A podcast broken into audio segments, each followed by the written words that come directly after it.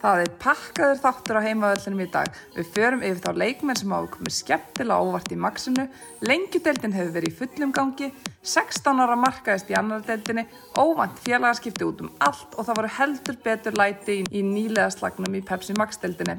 Það er einnig rísa helgi framöndan fyrir framtíðastjörnur Ísland sem mæta í kóbóin á símamótið og við rifjum upp skemmtilegar minningar á mótinu með gestum þáttarins. Gesti þáttarins eru einmitt knartspindu þjálfararnir Steinu Sigurnánsdóttir og Bára Krisbjörg Rúnastóttir. Ég heiti Hulda Mýrdal og með mér er mín kona Mist Rúnastóttir. Þetta er heimaöllurinn.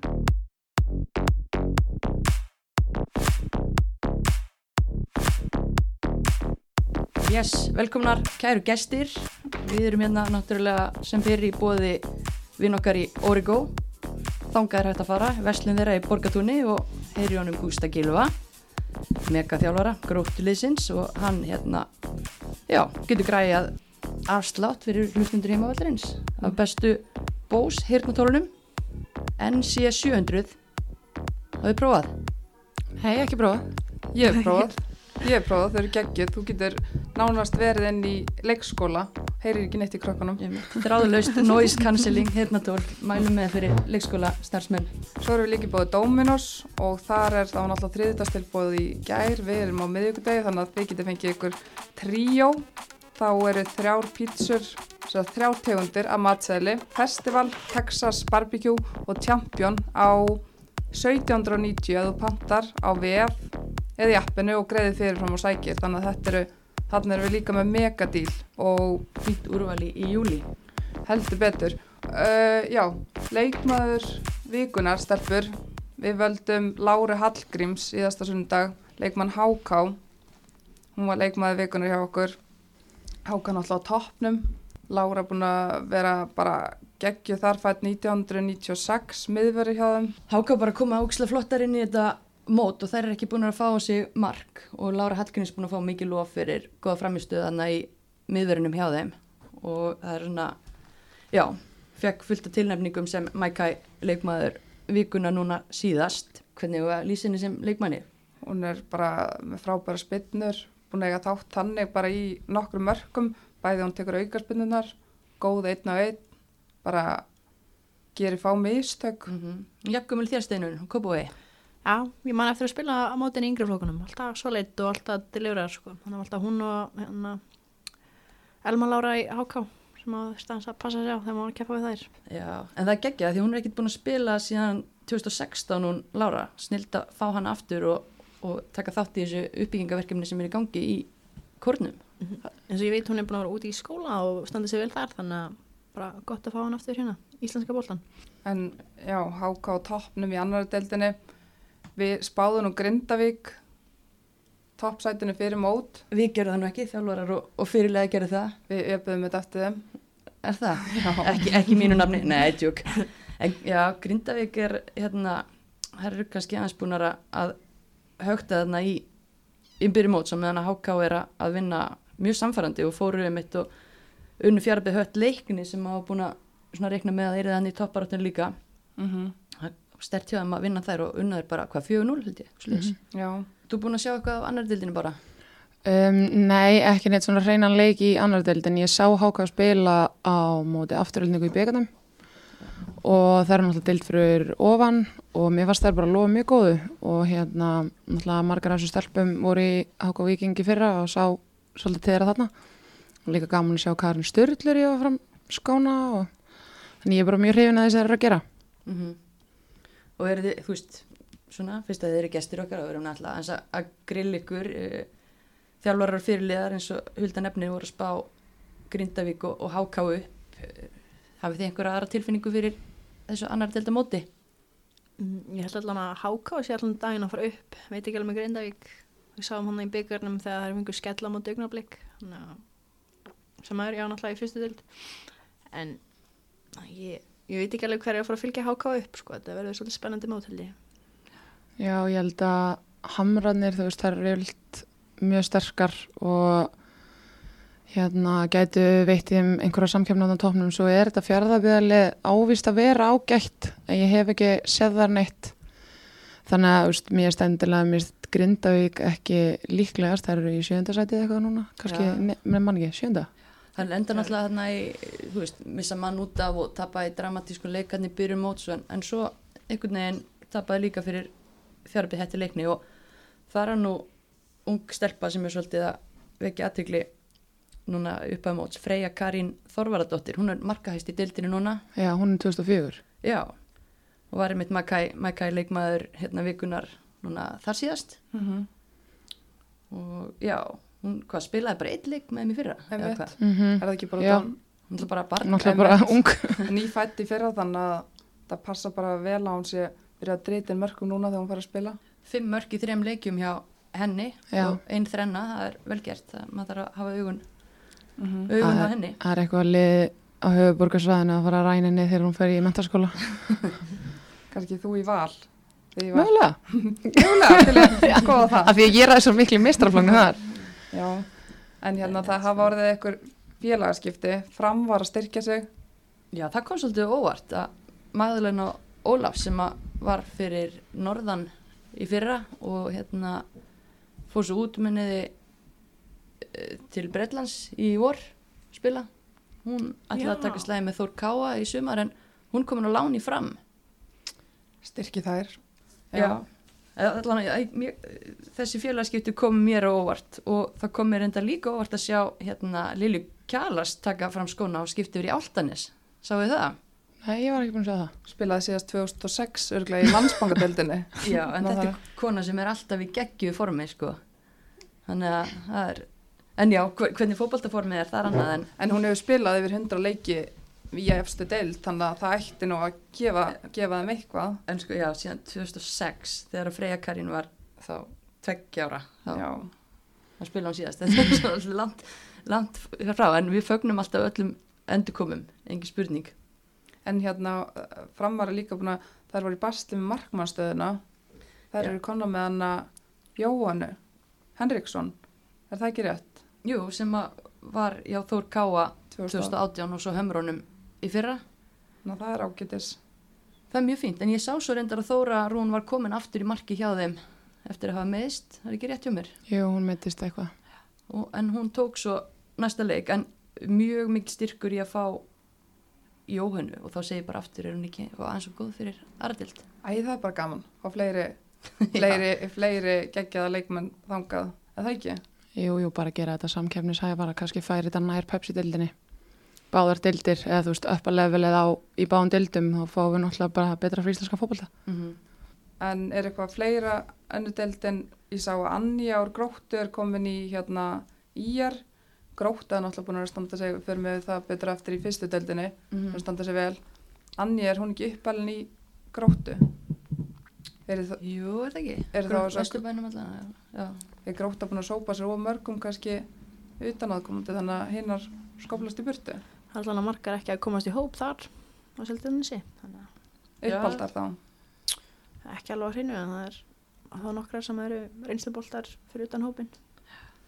En það er alveg áhugavert því að Anja svona, þykir, þykir efnilegur og spennandi leikmaður þannig að en ég þekki ekki það sem býr að baki þessum félagskiptum þetta ekki lán?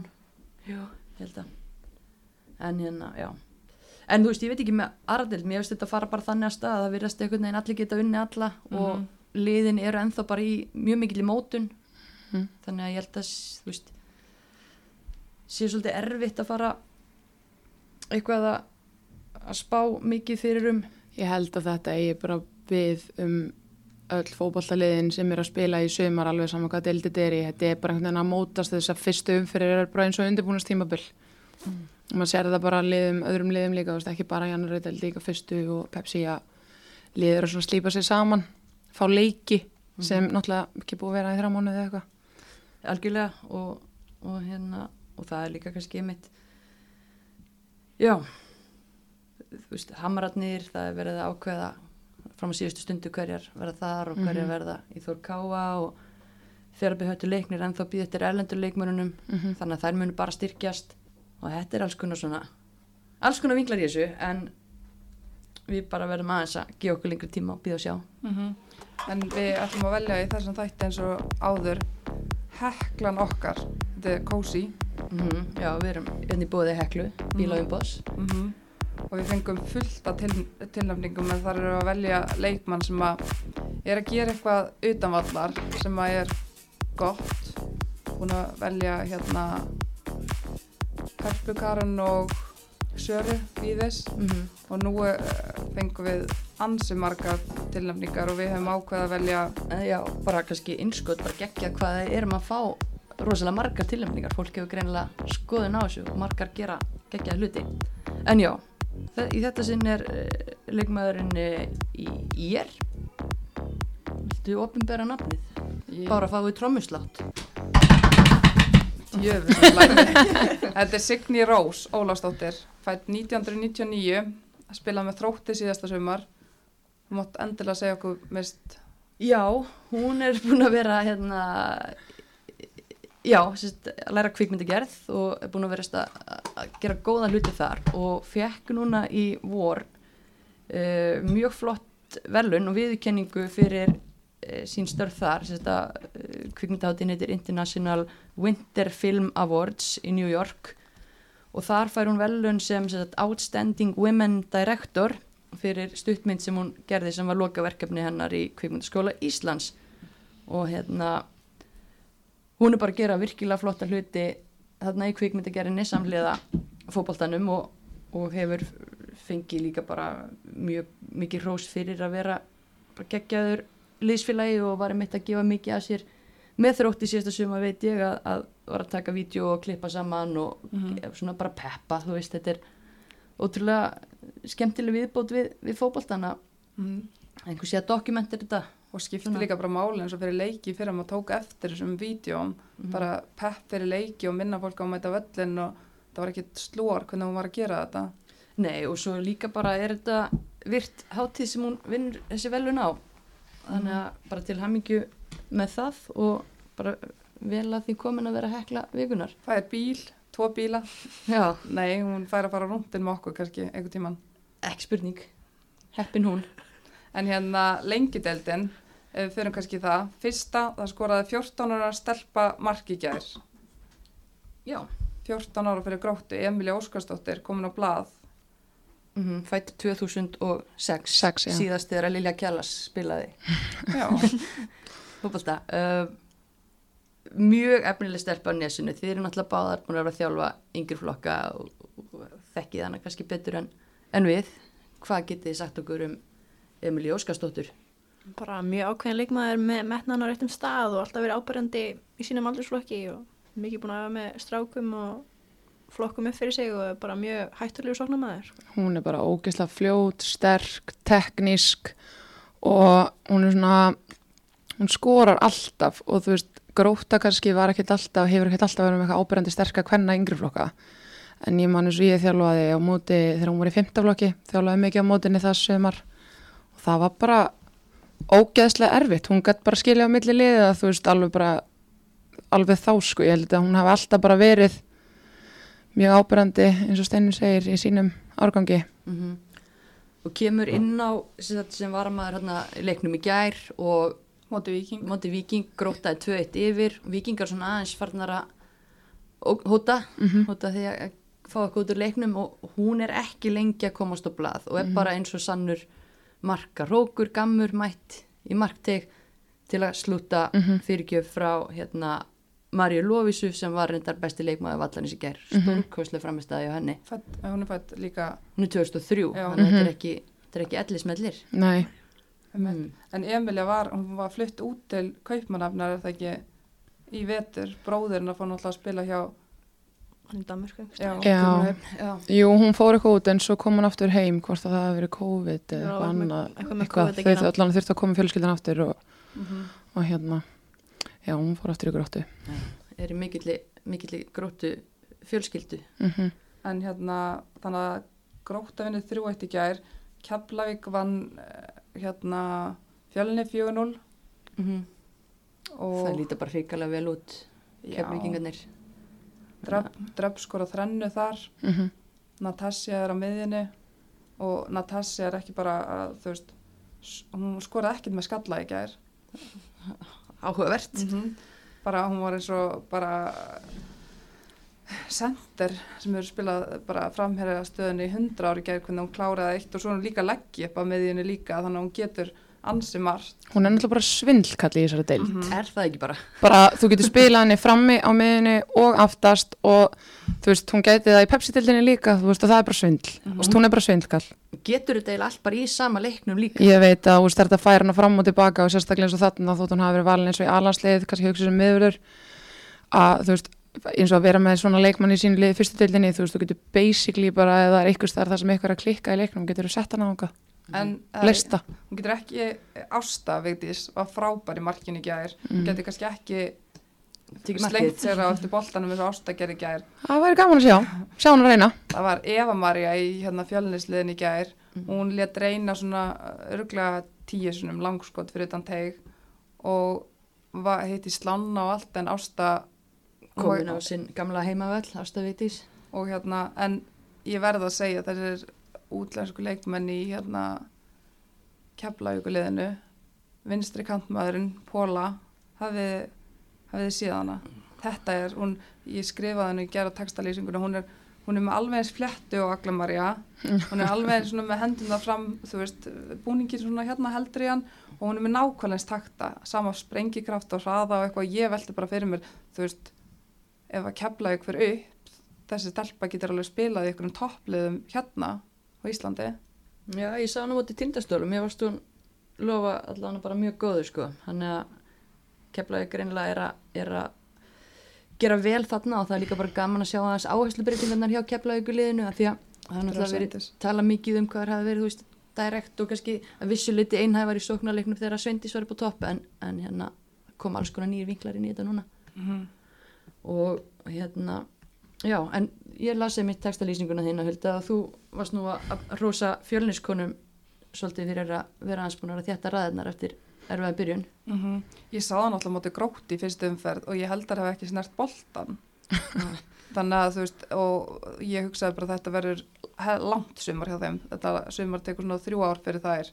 En í gær þær voru bara þannig að eru komin með dúsan sem er að þjálfa þær og hann er greinilega að þetta er skipulagt hjá þeim og bara átt að þær fóru 200% í alla bolta en það er náttúrulega bara gæða munur á leikmennum, kepla ykkur með fleiri gæða leikmenn en þær geta alveg strítt fleiri liðum í sumar að tekja stig fjölnis, fjölnis stelpunar rétt að byrja. Mm en uh, annar leikur gær uh, tindastóll augnablík og kannski bara steinuna því þú ert nú hann úr, úr komboðinum það eins og við höfum hérna vitum vel, þá er búið að vera alls konar COVID og sótkví vesen á, á hérna fótboltanu núna síðustu vikur. Augnablík fær ekki að fresta leik þó að sé sex leikmenn úr liðinu í sótkví KSI með rökin að það þurfi að hafa verið allan að fimm úr byrjunarliði síðustu tvekja leikja og þá er reynir bara þrjár úr byrjunarliðinu hjá augnablík en mér finnst þetta pínu skrítið að því að veist, á KSI að velja byrjunarlið máttu þá ekki breyta veist, er ekki sex úr hóp daldi mikið bara og eru að taka sjensa bara mjög mikið, þú veist, þetta var það var náttúrulega hefði átt að á mó- já, á móti Keflavík þegar það voru sex í burtu mm -hmm. og klárlega þrjár, þú veist, aðal markaskorun vantaði alveg miðjuna og, og þú veist, mest, reynslemesti leikmaðurinn okkar sem var á bekknum, Ragnarbjörg með einhverja, þú veist, nánast 200 mestarúrsleiki bækinu, svo hví líka Mhm. Þannig að það var, þú veist, það var bara tekið til og sett félagflokkstelpa miðjuna og bara retta málunum. Þannig að þetta er sko vantar svo sem ekki leikmennanna nei, nei, en þetta er bara mest samt bara rugl, sko. Að fá, þetta eru sex leikmenn. Mm hvaða lið sem er hefði sakna þess að hafa sex leikmenn? Mér finnst það svakalegt. Ég held einhvern veginn að þessi, ég held bara, sorry, ég held að þessi regla væri fimm leikmenn í tildegnum flokki. Já, Væri nóg, ég vissi ekki að það væri tengt byrjunarliði. Og svo ertu líka með þú þarft líka að fylla hóp, sko. Og ef þetta segir sér svo eins og þetta var eitthvað annar lið heldur en augnablík sem er kannski ekki vel búið af leikmunum Mhm.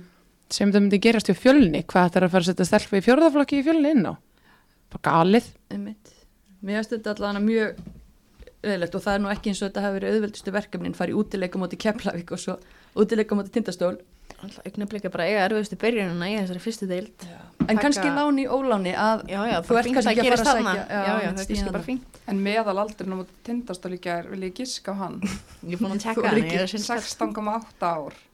Það er ekki hátt. El Elsi stelpunum í byrjunulegin voru fætta 2002 og það er yngstu 2005 Einmitt. og þeir eru að fara á móti inn á topp hvað, Já. þrjum liðum dildarna, ég held ekki bara fjögur. verðt okkur að segja það. En byrju, þessi leikur var hann bara fyrir eitthvað jafn, maður ekki?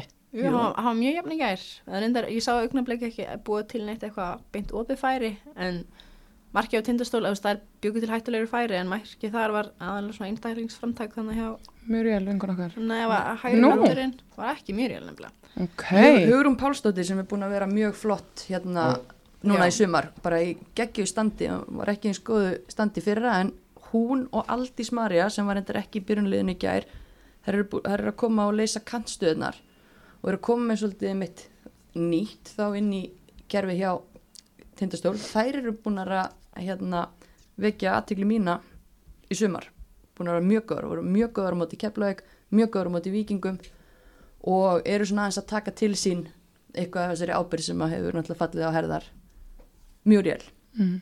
Já.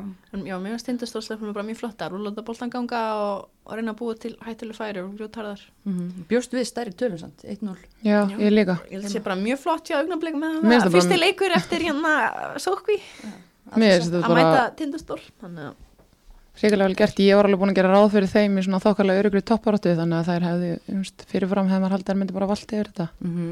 Líka þegar þú ert að spila kannski 14 ára krökkum Já. á móti leikmannin svo Muriel sem er mm nöytsterk Já, besti deildin í fyrra og svo framvegis bara hrósa á, á augnablik þó að það hef ekki farið neinn stíg með heim Ía, þínar konur, Mínar konur. vinna Völsung 4-0.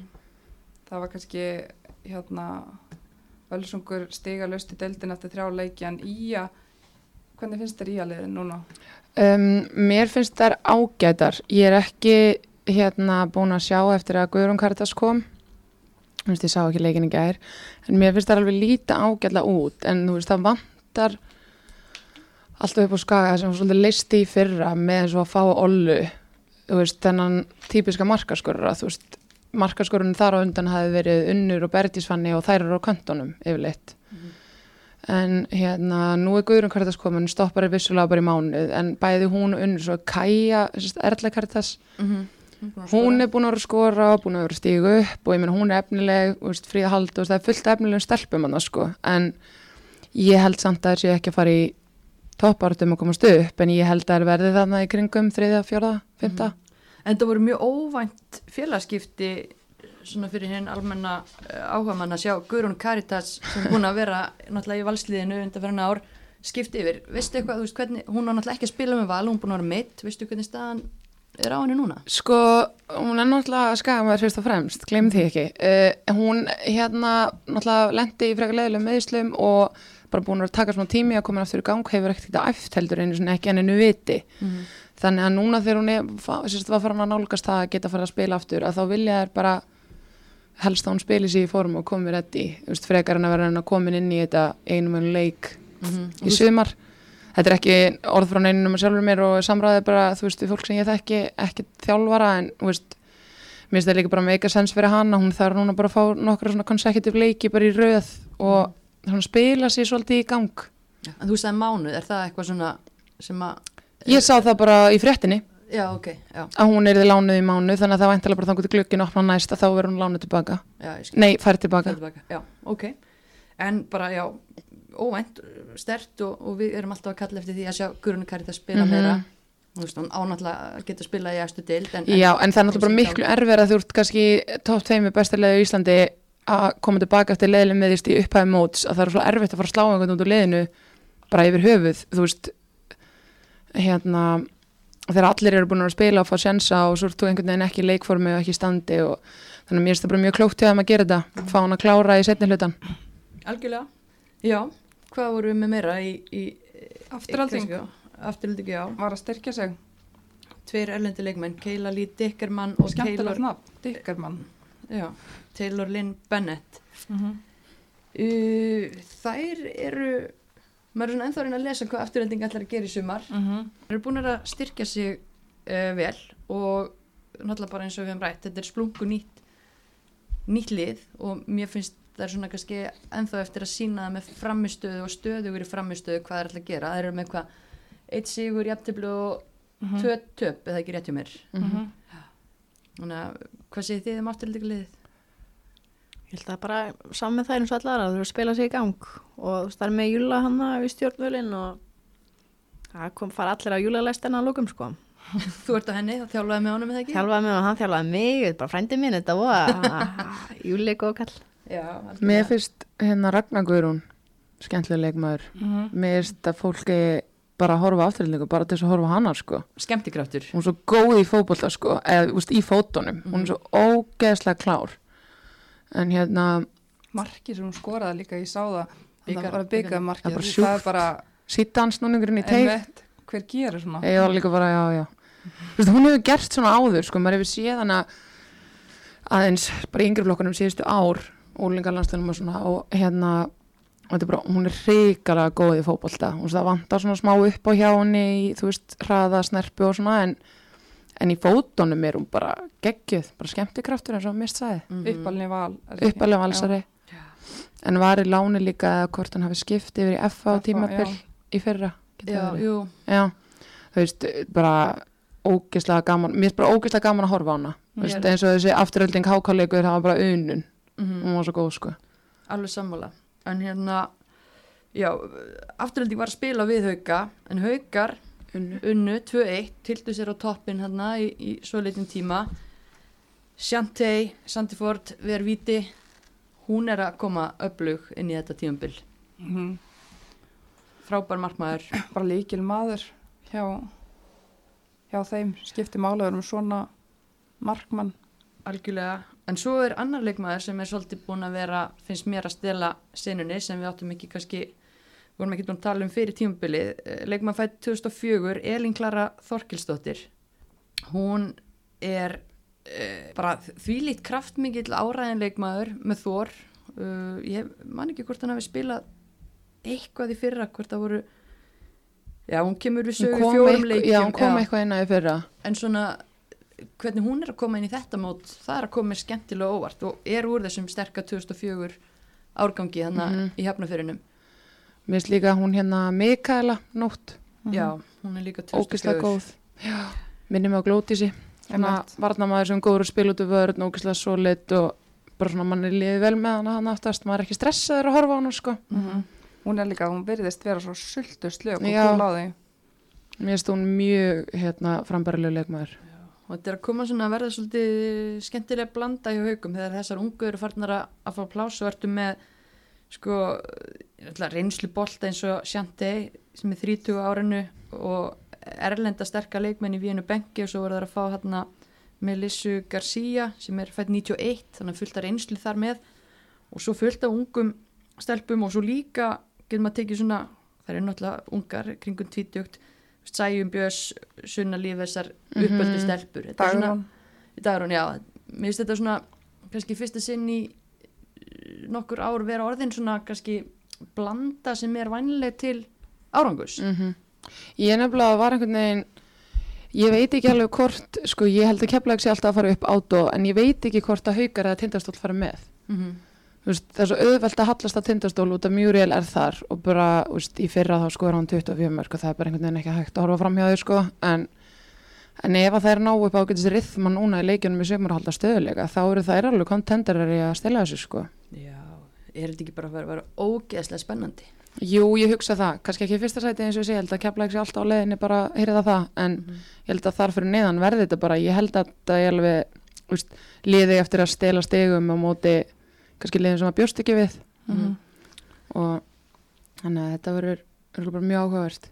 eina leiði kannski um að við spáðum ofar er vikingur sem er búin að spila fjóra leiki og er komin bara með eitt stig. Já, ég hef búin að sjá þær aðeins og minnst þetta búið að vera svolítið sveiflukent hjá þeim. Og þær eru alveg með svona solid hóp bara ágætlega vel skipulegar og annað en vantar kannski fleiri svona afgerandi leikmenn og vantar kannski meiri svona hraða. og sprengikraft, þú veist, við erum með Nadju sem við höfum talað um Nadju Alladóttir sem er helviti fljótarna fremst en mér fannst eins og ég leiknum í gærum átti gróttu, mér finnst það bara þungar á sér og hérna þú ert með þrjá mjög góða spinnumenn og klóka leikmennan á miðinni Brynildi Völu, Stefáni Ástu og Rutt Kristjánsdóttur og einhvern veginn það vantar kannski meiri hraða þarna fyrir framan þær til þess að þær geti brotið upp leiki Mhm. það er svona mitt input, en ég held alltaf að sko vikingar geta staðið í hverju einasta liði aðna en þær munu kannski eiga erfileikum með að loka þessum jöfnuleikjum, Mhm. mín tilfinning. Mhm.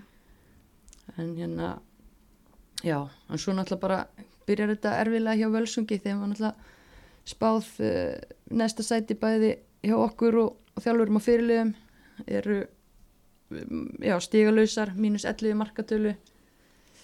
Ég veit ekki hvað hvað maður getur sagt svo sem Nei, just, ég hef ekki séð nú mikið þeim til að geta talað eitthvað þannig um þær en maður þekkir svona aðeins til þarna og þær eru alveg með ágæta leikminn inn á milli.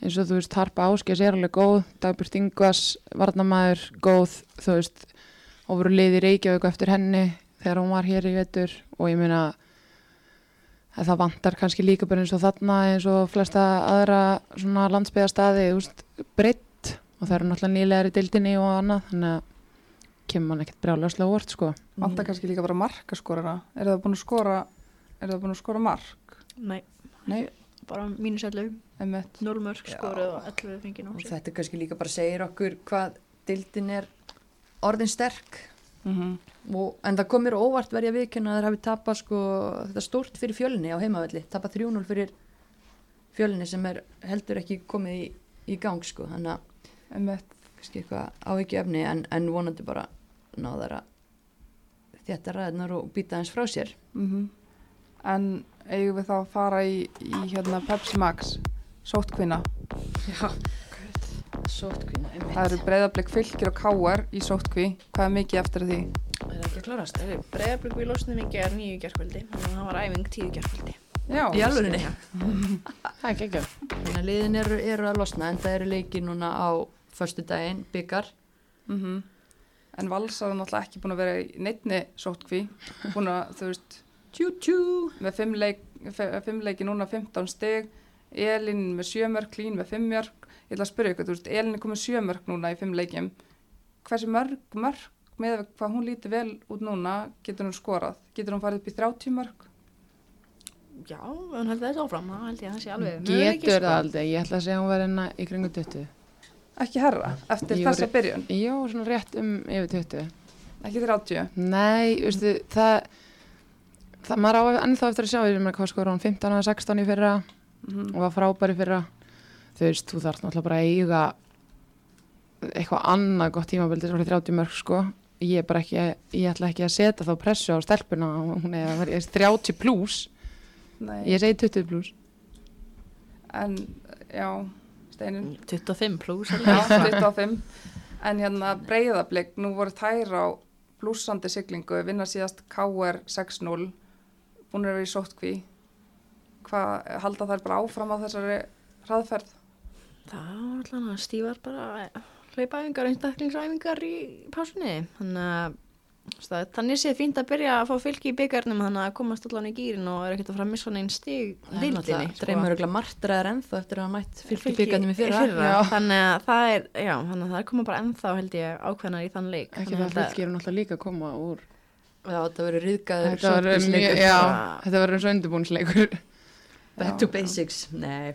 Ég held að þetta mun ekkit hafa það mikil áhrif á breyðablík. Nei, Mitt mat, ég held bara að þær, er, þetta er það vel mannað lið af íþróttamönnum, íþróttakonum, að ég held að hérna, veist, bara einu sem maður sá, bara eins og ég lef með þetta hvernig hún kemur eftir COVID, veist, ég held að tvær vikur sé ekkit að fara að riðla miklu hjá þessu liði. En gæti vissulega tekið eitt tvo leiki að ná, ná inn einhverjum svaka takti að því að þær voru komnar, fannst mér í svo ógeðslega flottan sóknabólta mm og sóknaboltinn hjá hvernig það spila og svo fjölbreytt. Það var ekki alltaf bara aglamarja köttinn og veist, Mhm. skjóta eitthvað. Það er komið svo margra skemmtilega vinkla. Stýrakul hönnu, sveindi sig og þetta til viðbútar við hinnar En svona sálræni þátturinn að- nú þurfa þær að fara elda val, valur með fleiri stig. Já, en ég meina að þú veist þegar leikinni jafnast skilur þau þá, en jú, auðvitað óþægilegt. Mm. ég held, þú veist það sé verra til dæmis fyrir káir að koma tilbaka sem kannski eru aðeins meira elda og, og aðeins meira við Já, sko. ég held að það sé erfæra fyrir þær að koma tilbaka og fara að elda skilur eftir að sérstaklega verandi svona neðarlega. Ég held að breyðablík alltaf val sé ekkert endilega að fara að draga úr þeim Mhm. en það getur náttúrulega pottitt spilað eitthvað inn í eitthvað sálrænt Mhm.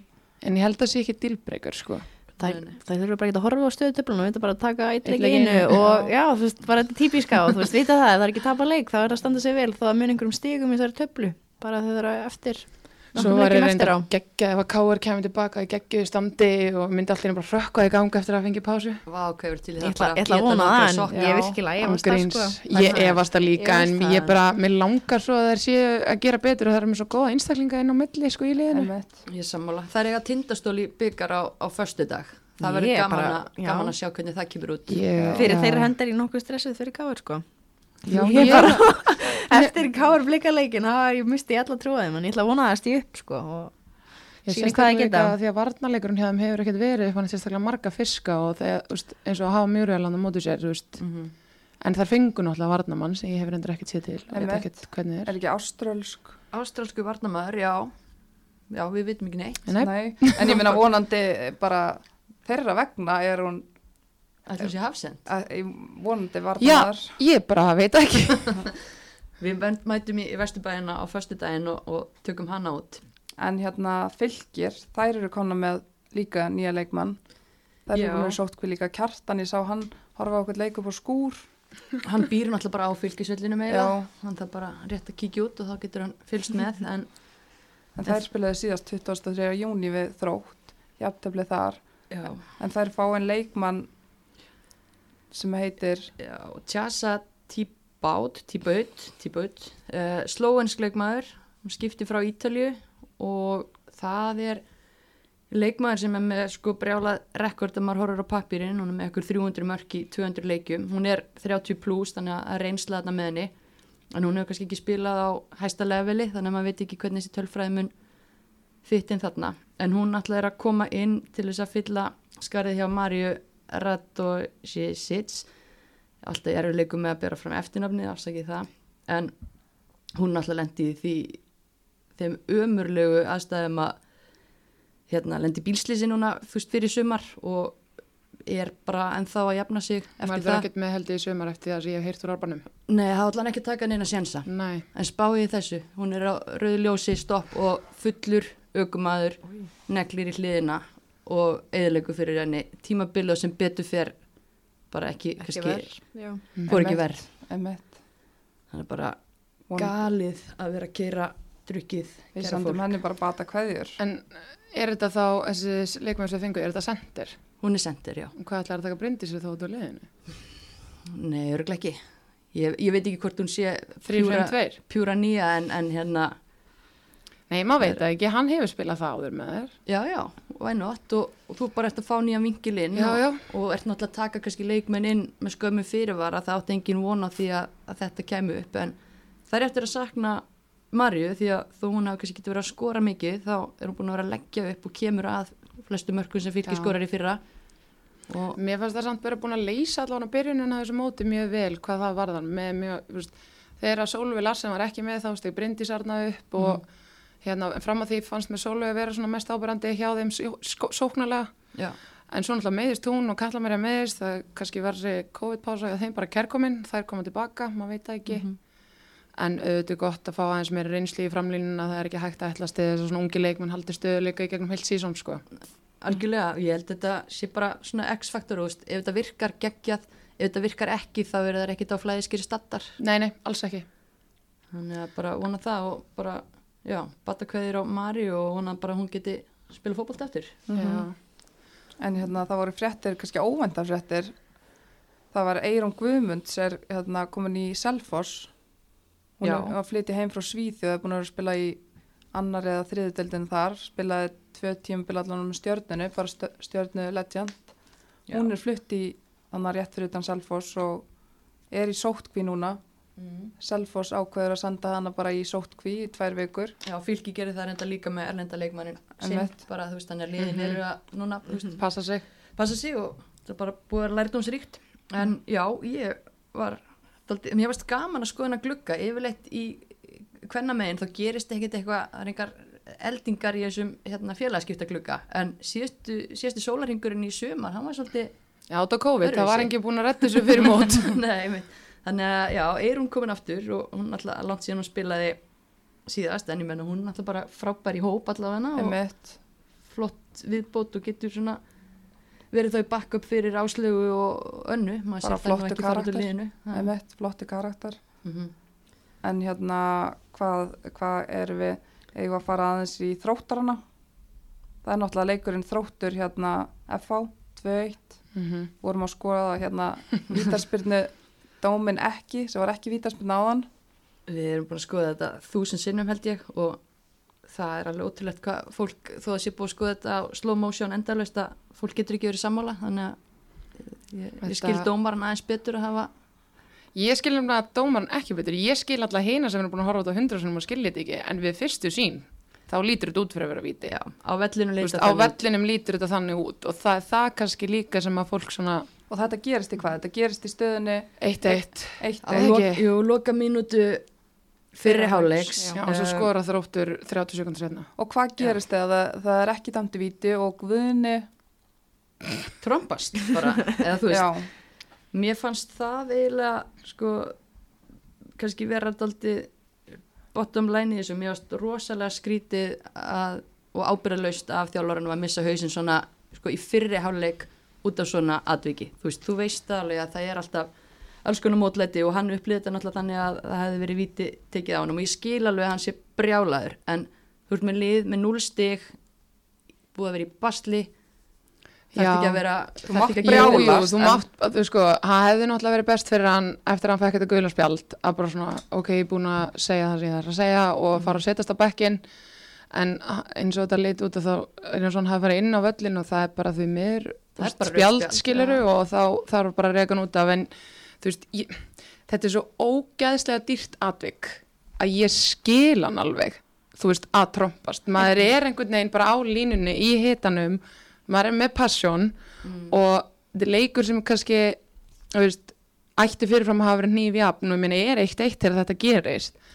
Þú veist, ég skil alveg að mistiga sig en hann hefði náttúrulega átt eftir að hafa fengið fyrsta spjaldið að aðeins hugsa sér tvisarum Já, mér fannst þetta ekki, ekki nóg gott af því að það er líka, veist, þetta er ekki loka mínútan í leiknum, veist, leikurinn er ekki svona hálnaður. Nei, en veist, hugsaði bara út í atvikið.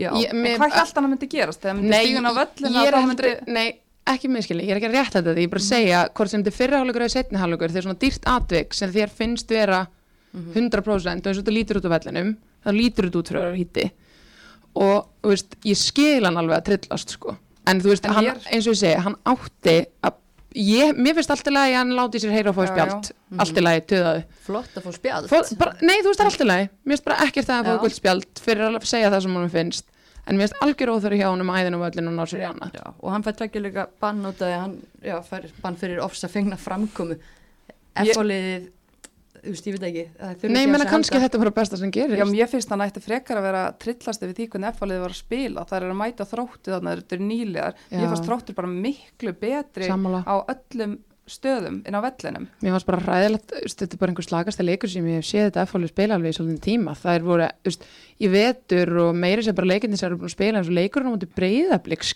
það er bara, þetta er bara slagasta leikur þegar að hinga til, finnst mér, sko. Og slagast leikur þróttar líka í rauninni. Ha? Jú, Nei, ég er ósamála því. mér fannst það bara ríkar allt og margar þar sem voru ekki, Já, ekki með. varnalega kannski, en þær sköpuðu sér sjúklega mikið sóknarlega, þannig mér Gerðu fannst það hérna, meira heldur en í öðrum leikjum hjá þeim. Já, ég bara meina svona heilt yfir, þú veist að, jú, það gerðu það en F-fáingarnir voru opbóslega Það slakar. er bara ræðilegt og þú veist, svo líka bara eins og það, þú veist, í fyrsta markinu þá er að tala um að Sisi hittir ekki boltan og hann fyrir undir hana. Fyrirliðin, reyns, eitt reynslu mesti leikmærin á landinu, veist, bara, ok, þetta gerist og svo setna marki sem er skorað, þá er það maðurinn hennar sem klárar. Svo þetta er náttúrulega ekki miskilega ef það voru ævintirlega slakar í þessum leik. En bara leikmæri svo hún á bara klára, maður var ætlast bara til þess að hennar hlutverk sé 100% í lægi. Mm Þetta er ódýrt. Þetta er alltaf dýrt fyrir þær sko. Og líka hugsa var, þú veist, núna já, er hún í miðverði og þú veist, eftir 40 sekundur leiknum bara ákveða að stíga fram fyrir mannin rétt fyrir utan teg og missa hann framhjá sér, og komin einu í gegn Þú veist, já, kannski reynir þetta þegar þú ert á miðjun en þú ert, gerir þetta ekki sem aftast í varnamaður rétt fyrir utan teg Nei, en samt burt sér frá þessum aðtöngum fannst fannst mér rétt hjá honum að hafa hana í miðveru sko. Með, miðvarastæðan var búin að vera, eða sérst miðvarðapæra var búin að slagt. Já, fannst mér hinga til, en þessi leik just, ég, ég átti ekki til orð, mér fannst það að fá svo slakar sko. já, og þær eru ekkert að ná að skapa sér úr opnuleik, þetta voru langskot utan að velli þær reyndar- viti, Já, einmitt, einmitt, það er eiginlega eini sjensin sem að búa til úr opnuleik En þessi það er hotspinna samt- líka sem það skorur, þetta er bara, Hún á að að gera, að betur. Við viljum ekki sjá mörgur hotspinnum, það er bara, nei takk. en ég líka bara eitt skrif aftur á bak og hoppaði svo þá var hann búin að verja þetta Já, en vel gert hjá Rafnildi og F.A. loksins komnar úr blað, það er öll liðin búin að skora fótboltamarki þessari deild Það er samt Já. ekki gott að eina markið er að sé beint úr hodni Nei, sko. ég segi- Nei, er- en ég bara- er ekki mikið upp á sóknarleikin sko. En svo líka til dæmis bara eins og ef við tökum FH og og miðum við hinn liðin sem hafa fótt í svona útlendinga þessi sóknamaður sem þær fengu, hún er ekkert að fara að bera hann neitt vagn.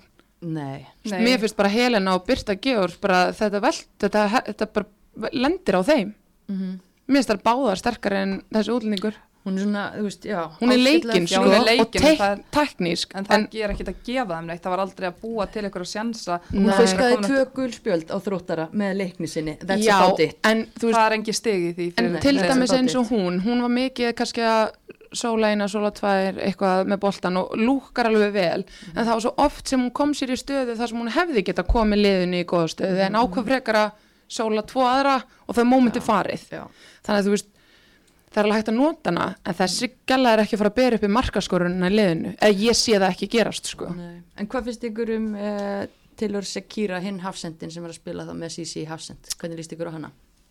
Mér hún bara svona fín, þú veist, mér hún ekki geggjuð, en mér hún ágætt að spila boltanum út úr línu, út úr vörninni, millilína og þú veist, svona, jú, heldur línu vel, og, en þú veist, mér finnst hún ekkert geggjuð, sko.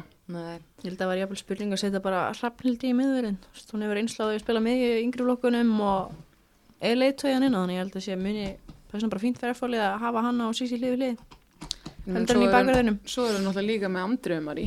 Já, hún Já. kom inn á hana og búin að fá okkur mínútur, menn það er mjög efnilegu leikmaður Já, já, hún er það, hún er náttúrulega bara ung, 2003 miðverður og áslögar þar endar í selfósi en hún er með reynslu mikinn leikmann hliðin á sér. Ég meina þeir gæti alveg prófa þessi andriðinir miður eða þeir vilja halda sísi á miðinni og haft það hrafnildi áfram í bakverðinum. Mér fannst allan að þó að Andri hafi ekki spilað marga mínútur þarna í þessum síðasta leik, þá fannst mér hún örug, hún var að skalla vel frá, hún var að, þú veist, það var hik og bras á F-fæðingum en að losa tegin sinni í þessum leik.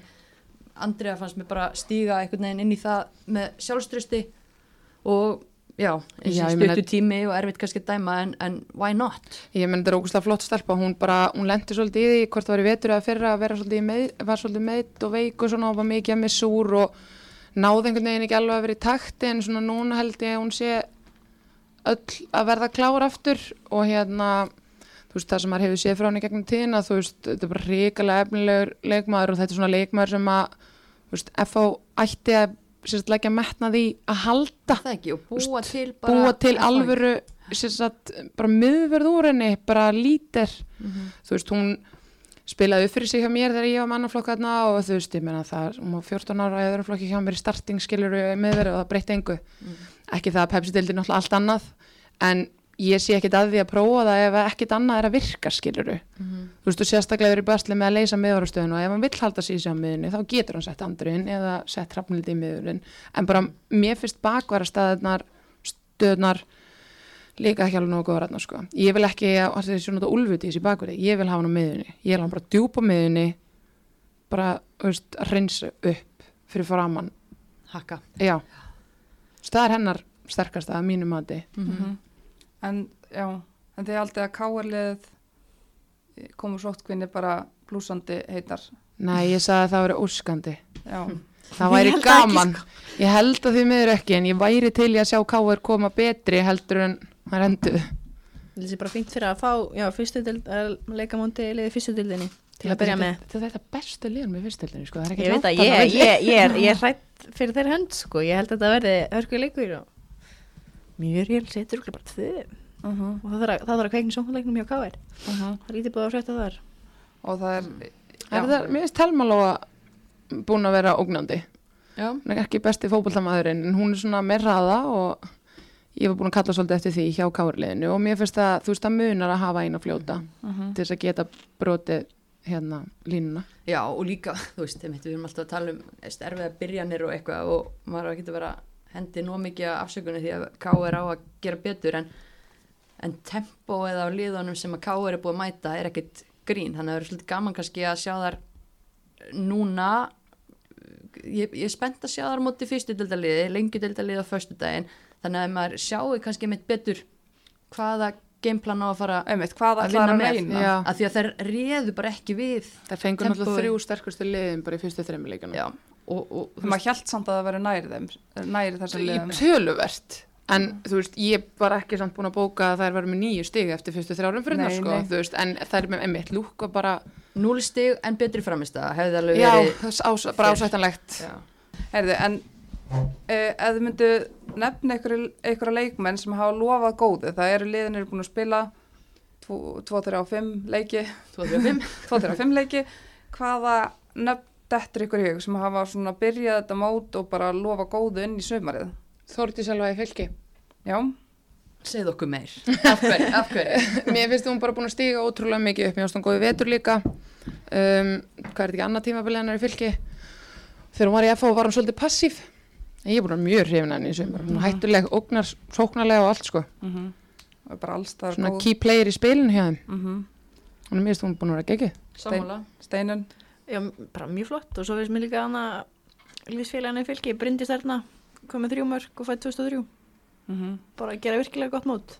Einmitt, og kemur manni kannski óvart hvað hún nú er ít að farin hvað Bryndís Arna, hún var að koma inn á í fyrra og svona hvað hún spila 14 leiki í fyrra og skora tvö mörg hún er bara drullu góð og drullu sterk. Mm Þetta er svona típisk nýja.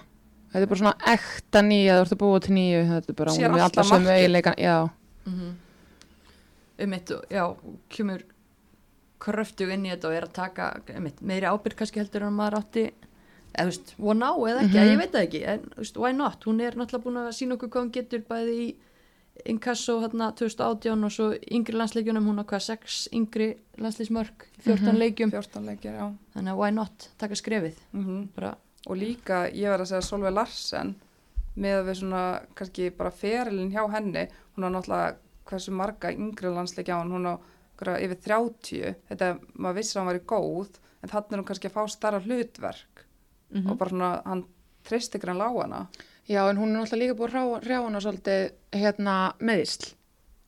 mm Hún var í fyrra náttúrulega mikið meitt þegar hún var hjá HK Viking og var hún ekki ofta eitthvað hjá breyðablík? Jú, hún er uppalinn breyfleik sko Já, hún er að tala um meðislega Neistlega, jú, jú, bara upp alla flokka. Já, þú veist, hún svona, búin að vera óhöppin það er haldið svolítið eftir hann og hún meittist náttúrulega í núna um daginn og var ekki með síðasta leik fyrir. bara vonandi það Það er bara, þetta þétta mót er ekki að hjálpa henni sko. En þú veist, þegar hún er góð þá er hún þá Hún er þá sem stór stoppa hana hættuleg sko, sko. Mhm. að henda í, í fleiri. Fleiri, ta taka varnamann Huldakarin Ingvarsdóttir uh, fætt 2001 uh, í Þór Káa, er að Mhm. spila miðvörðin þar við hlýðan Örnusif. Mm leikmaður sem að maður tók eftir í yngri flokkunum og svona en hefur Mhm. ekki verið að fá að spila mikið með meistarflokki Þór Káa, var með hömrón með mitt í fyrra. Uh, hún er að koma mér skemmtilega óvart og ég er mjög spennt að sjá áframhaldandi samvinnu Örnu og Huldu. Já, bara geggja það fyrir hann að fá að spila hliðina á örnu. Ekki vondur skóli það. Nei, Líka, þegar við erum að tala um varnamenn, hún hérna Hafrún Rakel. Mm í breyðablík, mist hún var að koma vel inn. Hún er, hún er góð, hún, mér finnst hún góð varnalega. Hún er ekki jafn góð kannski sóknarlega, þú veist, að spila eins og Ásta Eir. Já, er ekki sér rétt? Já. Já. Ég var alltaf ása, Ásta Eir, er ásu? eins og hún var svo mikið hluti á breyðablík, þú veist, þá voru hún kannski, það er ekki alveg hennar sterkast en varnalega finnst mér hún búin að vera mjög góð. Já, Mhm. bara kemur vel að inn sko Já, fitta bara vel inn í þetta leið, sko. Og talandi um að fitta vel inn í þetta lið ég meina við vorum öll að tala um Svendísi hva, hvar verður hún sett, hvað gerur hún í sumar? Hún er bara, flýsur rass já. Bara, flýs íras, flýs viðras já, hún er flýs íra, svona það er góð en þetta er bara eins og hún maður var að pæli hvort hún er því í byrjunulegðin eða ekki og þarna er hún bara að gefa þeim mikla breytt í Er sóknarleiknum og, samt á kanti, sko. já, ég veit en Ég veistu bara- hvað hún er góð Já, en veistu, veistu hvað hún er miklu betri framherri? já, en sérðu samt, hann verður að púsla sig einhvern veginn Ég veit og hún það. er, að, ok, hún er sett á kant hún er bara, Og hún er að leysa, Já. ég veit það og hún gerir það vel, en ég vil bara sjá hana frammi. er það fleiri leikmenn leikmenn Nei, ég meina eins og ég segi, á móti einhverju liðum segjum sér svo á móti val þá getur kannski verið vænleira að hafa hana frammi til þess að breyka bakvið, þú veist, maður veit það ekki. En fleiri, fleiri nöfn, Hefur viljum við uh, fleiri varnamenn sem eru mjög sóknarsinnaðir? Já, Mary Ellis Já, Vignola hún er góð maður. Skeggjuð þrótti. Hvar fann hann hana? Á hverju spýtt, á hverju spýttbáti? Spýtbátt, já það er spurning. En ég veit allan að, að Nikka með einhverja svaka tengingar að nóti, hann kann að velja útlendinga allavega Já, og þetta er fyrsta manneskjan á blaði hjá hann, það er svolítið áhugavert. Já, þjálfari er að fara upp á deild, hvaða leikmenn vilt fá? Ég ætla að fá vinstri bakvörð, Já, þú veist, hann vissi alveg hvað hann var að fá. Og hún náttúrulega bara búin að skora þetta draugum mark út- móti fylki var sko frábær sérstaklega í fyrirháleiku móti FH mér finnst hún ógislega góð sóknarlega og einmitt. ógislega fljót, ógislega sterk, og bara svona bara all around frábær leikmaður sko. Já, Mhm. mjög En mm, hverju var nefna, þú veist, Dilja og Ír hefur komið vel inn í þetta hjá hjá var Val. bara mjög flott þú veist að vera að koma inn á fyrir þessar kanonur hann inn á og standa sig vel Mm startaði líka um daginn á móti Þór Ká. Þór Ká. Það- já. Og hún er, þú veist, hún er fyrst inn á, ef það er, Svona með þeim fyrst já, síðasta leik fyrst inn á. mm, hún er, hún er sko, hún, hún er mjög svona veist, ég set hann ennþá í efnileg. Veist, þótt hún sé fætt 2001 að því að ég er ennþá að býða eftir því besta frá henni, mm skilur Já, en það komu svona golden moments hjá henni inn á milli, hún er þvílíkt svona það liggur við að hún veit ekki sjálf hvað hann ætla að gera. Og svo sólur hann þrjá og er búin að lúður hann við markið og maður bara eitthvað svona, já, hvað skeiði mm -hmm. þannig mér veist hún sko, ég held að hún í svona góðu liði þú veist ekki þar sem hún á að vera að bera eitthvað uppi eins og hún var að gera í FH og stjórninu, þar sem hún er með stuðning bara, veist, og geggja ræfingar alltaf og þetta, ég held að það bara eftir að gera hana ennþá betri, veist, hún er alveg kontender fyrir næstu ár bara held ég í þessar deild að vera bara framúrskarandi, Mhm. ef hún heldur svona áfram. Algjörlega. Það taka eina í viðbót Já. 2001, halda okkur í þeim ágæta árgangi. Já, Kari Maria Þór Káa byrjaði náttúrulega með bombu bara. Mm þrjú mörg, þrjú leikir og er bara, einmitt að, við höfum svo sem nefnda áður, hún stígu upp, taka stærra hlutverk. -hmm. Ég, mér finnst hún koma hrikalega flott inn í þetta mót. Ég er sammála. Hún er mjög, hérna, hún getur líka leist alveg nokkra stöður svona framalega vellinum, hún getur alveg verið út á kanti líka og þú veist, hún er Mhm. bara hérna hrikalega góð. Mm að Le, er leynir svolítið á sér, lítil og nett og svo er hún bara að bossa. Skæð fyrir framann markaðstæðingana en já, þetta er allavega einhver, einhver nöfn svona sem að okkur líst vel á fyrir framhaldið en það er crazy helgi framhaldastelpur geggjuð helgi. besta helgin besta helgi ásins, símamótið flautað á, eða sett annarkvöld, Mm með spilaði um helgina Mótið var fyrst haldið 1984 en símin er aðalstyrtalaðin núna í hvað, 16. skiptið? þetta símamótið og þetta það er alltaf áhugaverið hlutir að gerast núna í öllu COVID-inu, það breytir náttúrulega svolítið móta utanumhaldi í þessum yngri flokkum og hérna og kannski eitt sem ég finnst bara geggja jákvæmt við það að, að það þurfi að svæða skipta og allt þetta er að sjónvarp símans ætlar að vera með beinar útsendingar frá mótinu bara gera það reynda líki fyrra en Fleiri núna. fleiri núna og, og þú veist vinir og ættinga geta þá fylgst með heim í stofu þá að sína frá hvað öllum liðum er það ekki Jú, hvert lið fær allan eitt leik í opinu dagskrá þannig að ömmur, afar, frængur, frendar og allir geta bara stilt inn á sjónvarp, síman, sport og, og hort á stelpunar. svo líka bara gaman fyrir stelpuna að geta að horta á sjálfa sig Einmitt. fara heim eftir daginn og sé sjálfa sig keppa í sjónvarpinu það sé Mhm. svolítið gaman að því Mm En munið þið eftir hvenar, hvað er lá, þið er náttúrulega bara að þjálfa. Hversu gaman er að þjálfa á þessu móti? það er bara mjög, Mjög gaman, maður er alltaf vel skreittur í framann og Með flettur kannski? alltaf fléttur og svo svona grætn og hvítur í framann Já. það er ég er ekki græn og hvít en Í hvaða litum, í hvaða litum verður þú? ég verð rauð og hvít þetta árið En þið sjálfar, ég minna, kefti þið á þessu móti? já, bara, já alltaf, þetta var mitt já, að fyrsta móti mitt var gull og silfur og svo Já. mót tvö þá hétti símund já, já, ég fyrsta minningi mín í fókbaltfa minningi mín alvöru, það var ég 6 eða 7 ára tapaði fyrir breyðabliki úrslaleika á þessu blessaða móti Það verður ekki verið vel í mína. það fór ekki vel í mína og hlusta We Are The Champions og velunafningunni og við í öðru sæti, það var umlegt en mótið var geggjað. Og ég, ég bara, þetta brentin í minni á mér því miður. En hérna, þetta er samt sko, ég segi ennþá alltaf, og silfumóti ég er ekki komið inn í mig, ég bara næ ekki að kalla þetta verður að ná þessu símin er búin að styrkja þetta í 16 ár. Þeir eru að gera Áttu ekki öll þessi símaponsjó og veist, og töskur og maður allt, alls konar símandót. Við Þetta er skemmtileg mót. Við skreituðu Ég- fyrir mótið um helgina bara. Já, allir þið, ok. Það er oft með svo veglega gafir, ég, ég næli mér alltaf eina sko. Nei, en þetta er ógeðslega, það er bara svo geðvikt líka núna við þetta, sérstaklega núna bara fyrir liðin að fá að spila svona þjætt Mhm. Þú veist, eins og, þú veist, við vorum með pæmótunum daginn og bara, það munur svo miklu þegar er búið svona lang, langu tími án leikja fyrir leikmenn sem eru bara þetta ungir þú veist, að spila svona þjætt, þá bæta þeir sér svo hratt eða þú veist, komast í takt. Þannig að þetta er bara geggja að fá þetta. Hvað er að skemmtilegast við mótið? Vist, Mér fannst alltaf bara að vera með í kvöldagan alltaf partur að því þú veist, það var kvöldagan og vera með stelpunum og fögn, fagna hafa sérstaklega gaman. Er þið búin að vera að æfa fögn Það er alltaf tekin sérstök æfing daginn fyrir mót þar sem við förum yfir fögn og hotspinnur og alls konar svona það er, það er bara, þú fagnar ekki þá telur það ekki þannig að það er, það er alltaf að gaman. Mm ég held að Jón Jónsson sé að spila núna. Hver, bara, það er nú hver var að spila þegar þú varst ára Birgit land og sinir Já, einmitt, ég man eftir þeim og, og Birgitte Haugdal, þannig að það kannski segja meir um okkur. Já, en það verður aðeins hérna, öðruvísi eh, format á þessu núna út af bara, þú veist, það er sérstök aðgerrar áallun í, í gangi út af COVID-19 að þetta eru þrýr flokkar sem keppa hana. Nú verður 50 flokkur alfarið í fagralundi og það verður svona svolítið aðskilið.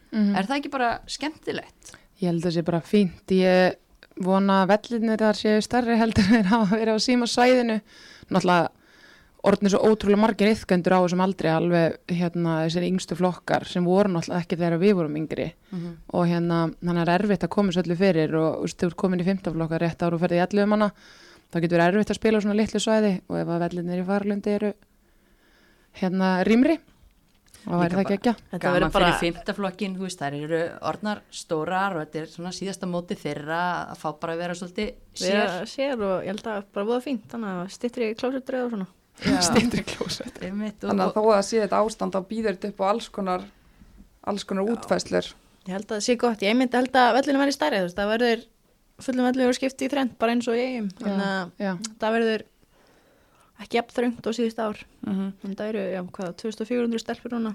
Og það hafa aldrei verið, þetta er stærsta mótið synga til, það hafa aldrei verið svona margir hvað það eru margar? 2400, jafn fleiri, þannig að 300 og eitthvað lið skráð til leiks, aldrei verið svona mörg lið. Þannig að gali Hver, hver var, þegar þið voruð að keppa, hver munið eftir ykkur svona sem var langbest þegar þið voruð að spila? Á símumótinu? ekki einhver svona einn leikmar og alltaf svona nokkrar, ég vildi liðinu sem maður var að keppa við, þú veist, þess að í yngreflokkunum hjá mér var það alltaf þú veist, Fandís og Tanja Íbivaf og Hlín og hérna, Rósa Húkós í breðablík þú veist, það voru alltaf í svona liðum ein og ein, en ekki eitthvað svona yfir all landi síðan svona, ó, hinn er ekki að mæta þessari. Næ, Katrin Ómas í Káir, það var ömulegt það var ömulegt að mæta henni. Martröð. já, já, hjá mér, þú veist náttúrulega við Andrea vorum blikunum og svo var það hérna Elma, Elma Lára náttúrulega í HK og ég man sérstaklega eftir já, Ingi Björg Sigurar var Grundavík alltaf að spila upp fyrir sig, það var alltaf höfverkur og þetta var svona já, valstelpuna voru alltaf sterkar sama hvað þó það var en það var náttúrulega aðalega, aðalega þegar 95 stelpuna voru hann eldrarunum Elín Mættu það er alveg þannig að það var, það var já, já, En við verðum á hérna símumótunum helgina heimaöllurinn og við verðum að taka viðtöl, tjekka á stemmingunni, síni frá þessu á símin Ísland, Instagraminu. ætlaði að taka viðtölu um mig Það Bara er mjög líklegt. aldrei að vita bara mín. og því já, þið getur örgulega fundið einhverja blikastelpur á svæðinu Já. að það er endilega, það er alltaf hressar að klarar í viðtal Já. En Ég er bara, allavega mjög peppuð, þetta er, þú veist, þetta er helgi yfir sumari sem að maður bara tekur helgi. frá. Já, og bara ógleimalegt fyrir stelpunar að keppa. heldur betur. Og líka bara, þú veist, ég spilaði nú að þjálfaði, ég er ekki, ekki að fara að gera, þú veist, hvorugt í ár, en ég missi ekkit úr mót. Nei, þannig er til enginn greina. símamót. gaman að kíkja, Já, þessu kaffibóla var alltaf á milli Nákvæmlega. Ég, sem ég veit ekki, sumar án símót það hefur verið 2002 eða eitthvað þetta er, maður er alltaf annað Gægjað, herru, en ef ekki bara þetta gott í bili. bara frábært í dag. Já, Gott takk fyrir að, að koma og við sjáumst um helgina á símamótinu um Já. helgina.